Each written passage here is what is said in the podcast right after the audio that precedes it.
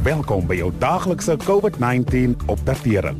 Veral die nuus en wiskundige antwoorde om ingelig te bly. Saam sal ons dit klop. Aangebied deur die Departement van Gesondheid en SABC Radio. Suid-Afrika het steeds 'n hoë herstelkoers van COVID-19. 9 uit elke 10 mense wat met die virus geïnfekteer is, het reeds herstel. Dit beteken daar is nou net om en by 50 000 aktiewe gevalle van die virus oor in die land. Maar hoewel president Ramaphosa aangekondig het dat ons hierdie Sondag om middernag na inperkingsvlak 1 oorbeweeg, het hy steeds gewaarsku dat ons versigtig moet wees om nie 'n tweede vlaag infeksies te laat posvat nie.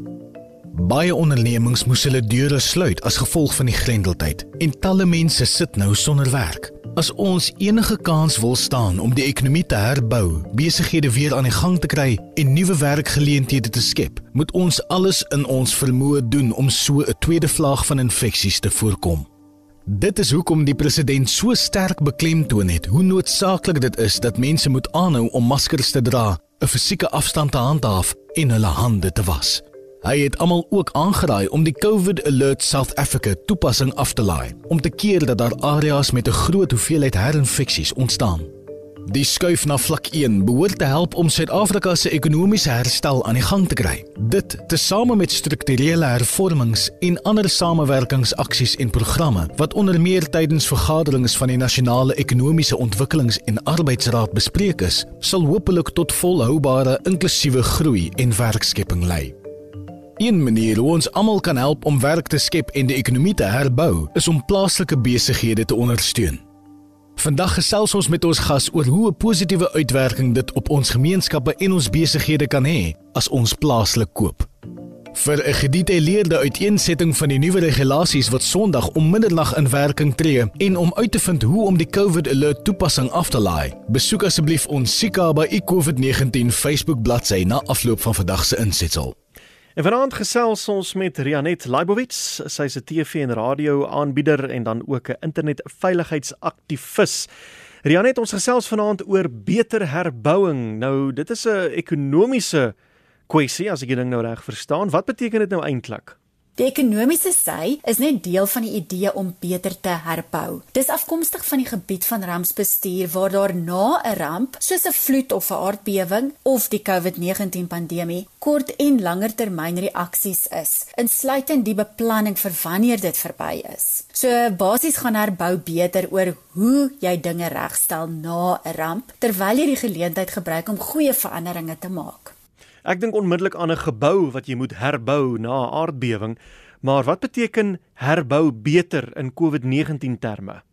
Dit kan nogal na 'n tegniese storie klink, maar kom ons praat oor die praktiese kant daarvan. Ons weet die ekonomie is erg aangetast. Party besighede het nie die inperking oorleef nie, wat beteken dat baie mense hulle werk verloor het. Onlangs moes ons hoor oor ons bruto binnelandse produk of BBP of soos ons dit in Engels ken as GDP, het tussen April en Junie met die helfte, 51% gekrimp. Nou BBP beteken eenvoudig die totale waarde van al die goed wat in ons land gemaak en verkoop word plus ons persoonlike inkomste. So as mense minder verdien en winkels verkoop minder en ons fabrieke en myne produseer minder, dan is ons BBP minder. In hierdie geval was daar 'n reuse daling in BBP van die eerste kwartaal van die jaar af tot die tweede een. Maar moenie skrik nie. Ons het geweet dit kom want Suid-Afrika se inperking was lank en streng om die gesond gesondheidstelsel tyd te gee om voor te berei. Nou dat die inperking verslap word, sal die ekonomie herstel, maar dit kan 'n rukkie vat. Ons weet die ekonomie het nie sterk gestaan voor Covid nie, maar baie mense was reeds werkloos en daar was ander redes tot kommer, soos die manier waarop ons elektrisiteit toevoer en beerdkragproduktiwiteit gekniehalter het. So ons moet opmaak vir veel meer as net die gevolge van Covid. Toerisme aktiwiteit, so belangrik vir ons ekonomie, is gedurende die pandemie gestaak en onderwys met al die verlore onderrigure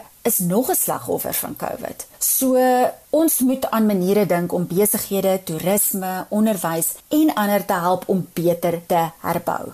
Nou wat sou jy sê kan ek en jy en almal die gewone man in staan op straat doen om die ekonomie en dan ook die onderwys weer op koers te kry?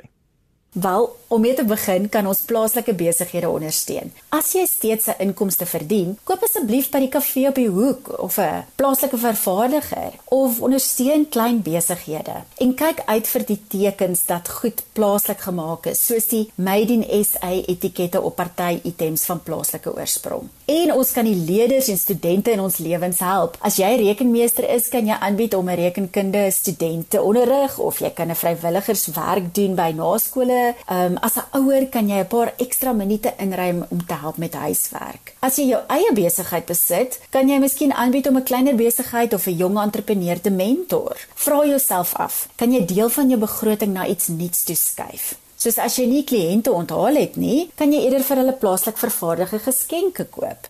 So op daai noot dan en om jou af te sluit sommer, watter advies het jy vir besigheidseienaars? Hoe kan hulle hulself vir die volgende fase voorberei? Party besighede het regtig geïnspireerde gedaante verwisselings ondergaan, soos restaurante wat kosmarkte geword het en meer tradisionele besighede wat dit op 'n een of ander manier reg gekry het om aanlyn verkope en afleweringe aan die gang te kry. Hierdie veranderinge het kreatiewe probleemoplossing geverg. Nou moet jy dieselfde kreatiwiteit en fokus op jou besigheid se herstel toepas. Vra 'n bietjie watter gapings is daar in jou mark? Wat is jou sterkpunte? Kan jy van die huis af werk en hier spaar? Hoe kan jy kostes bespaar en nog nogtans 'n beter produk maak? Dis moeilik, maar as jy nou 'n paar slimme aanpassings maak, sal jy op die lange duur die vrugte daarvan pluk. Ons sê baie dankie aan Rianet Leibowitz. Jy kan maandag weer by ons aansluit wanneer ons in hierdie tyd geleef kyk na wat om voor op die uitkyk te wees as dit kom by COVID-19 en seisonale allergieë. Dankie dat u geluister het na die daaglikse COVID-19 inligtingstuk aangebied deur die Departement van Gesondheid en SABC Radio in samewerking met die Solidariteitsfonds. Wees veilig, bly gesond. Saam sal ons dit klop. Suid-Afrika.